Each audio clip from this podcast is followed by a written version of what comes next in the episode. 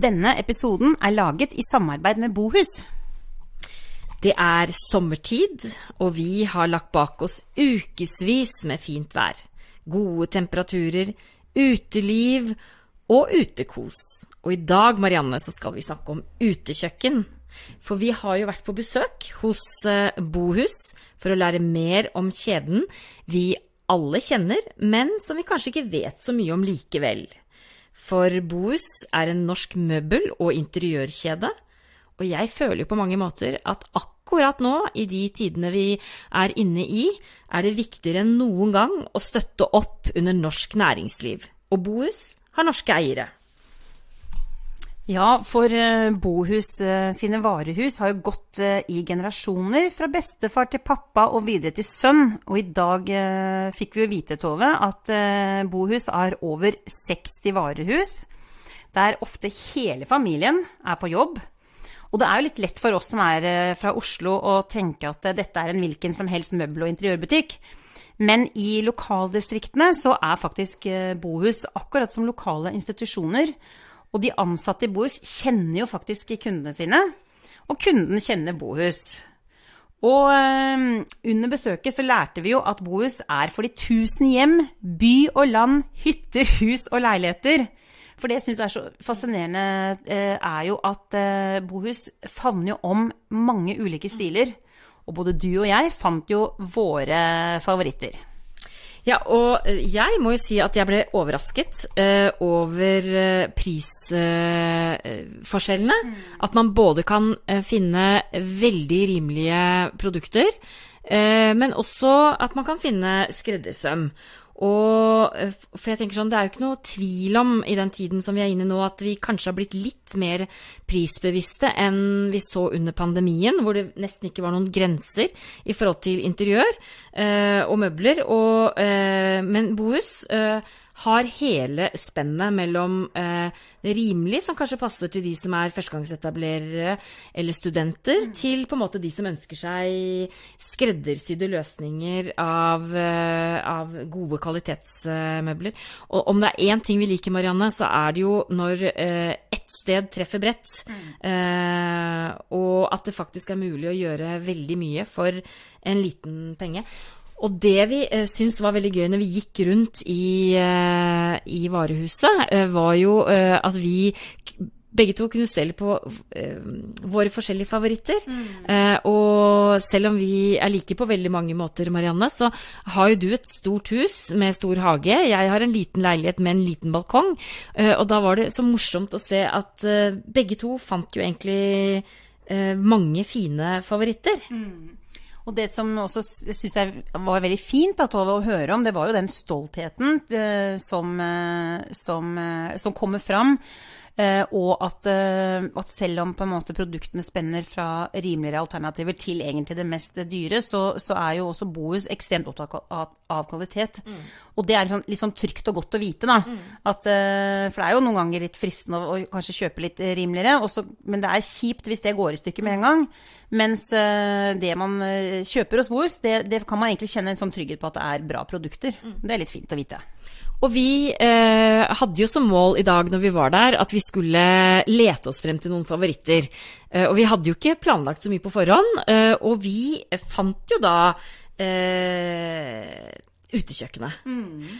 Og hvorfor er det så koselig og praktisk med utekjøkken, Marianne? Jeg må jo spørre Interiørhusets egen interiørekspert. Hvorfor er det så praktisk og koselig med utekjøkken?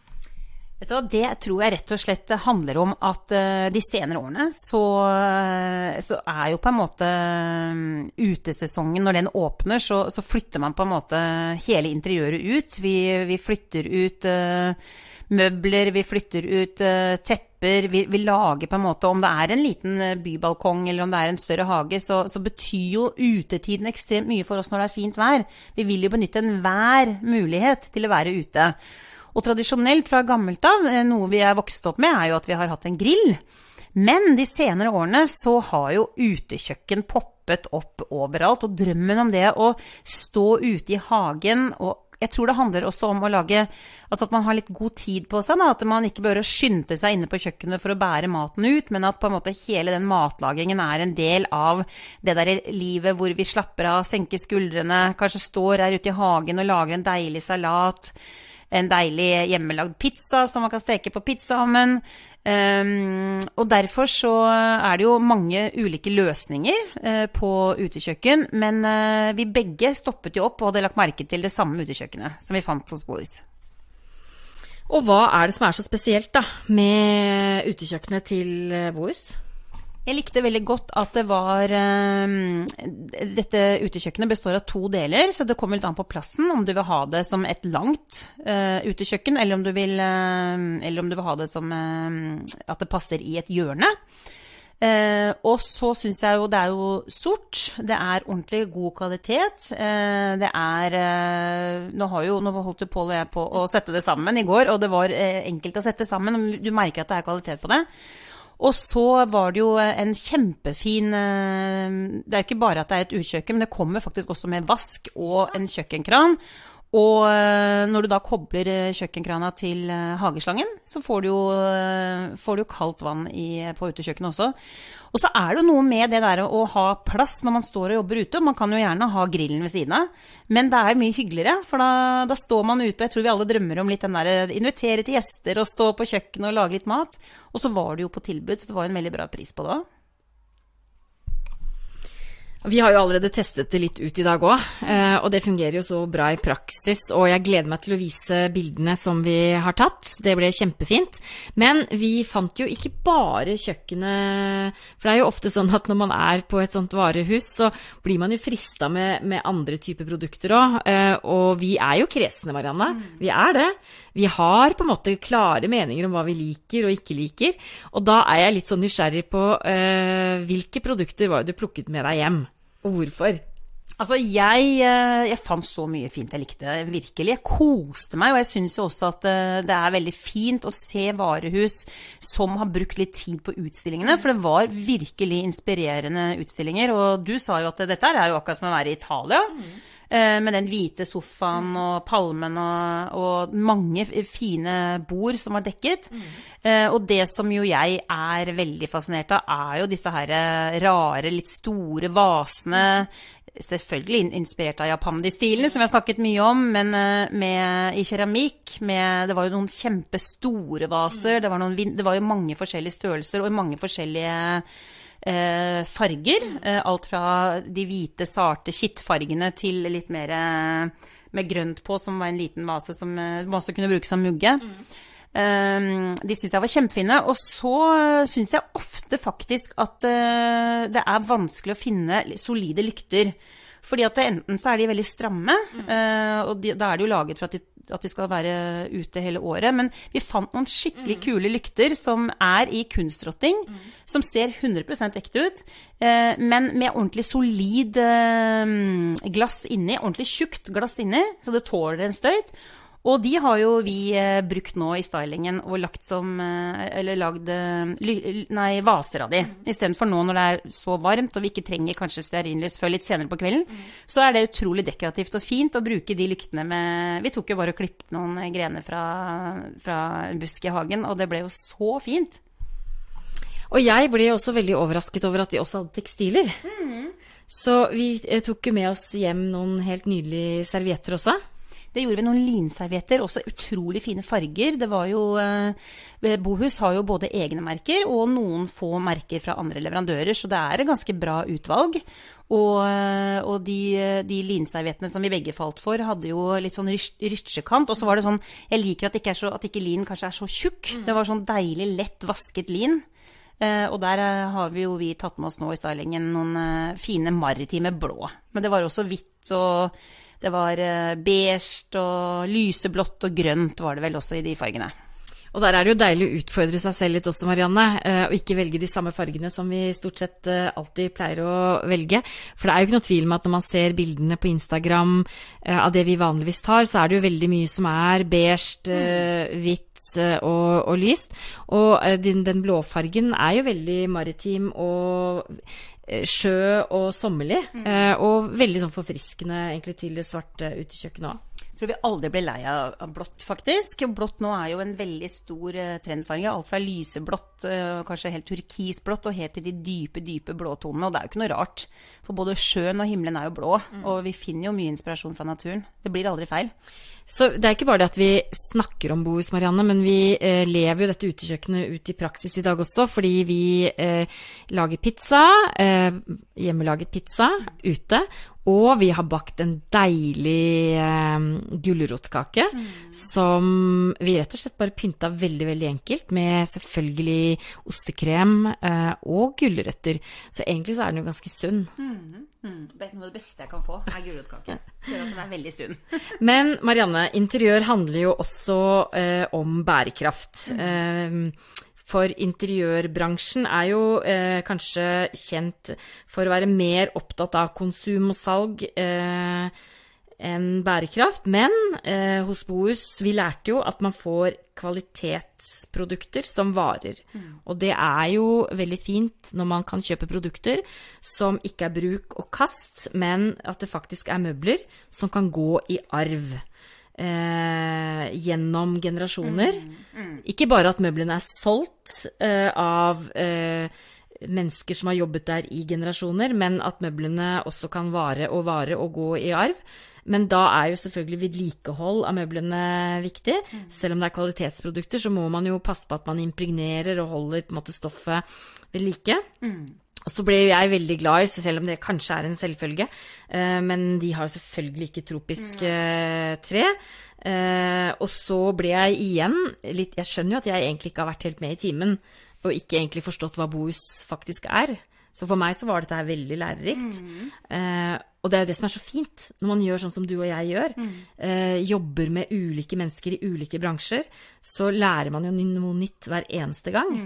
Og det at Bohus har mange norske gode og tradisjonsrike merkenavn, som Jensen, Ekornes, Brunstad f.eks., eh, gjør det jo litt mer attraktivt og når man finner alt på ett sted. Mm, helt klart.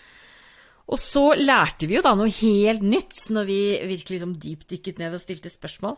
eh, At eh, de er faktisk veldig opptatt av eh, dette med transport.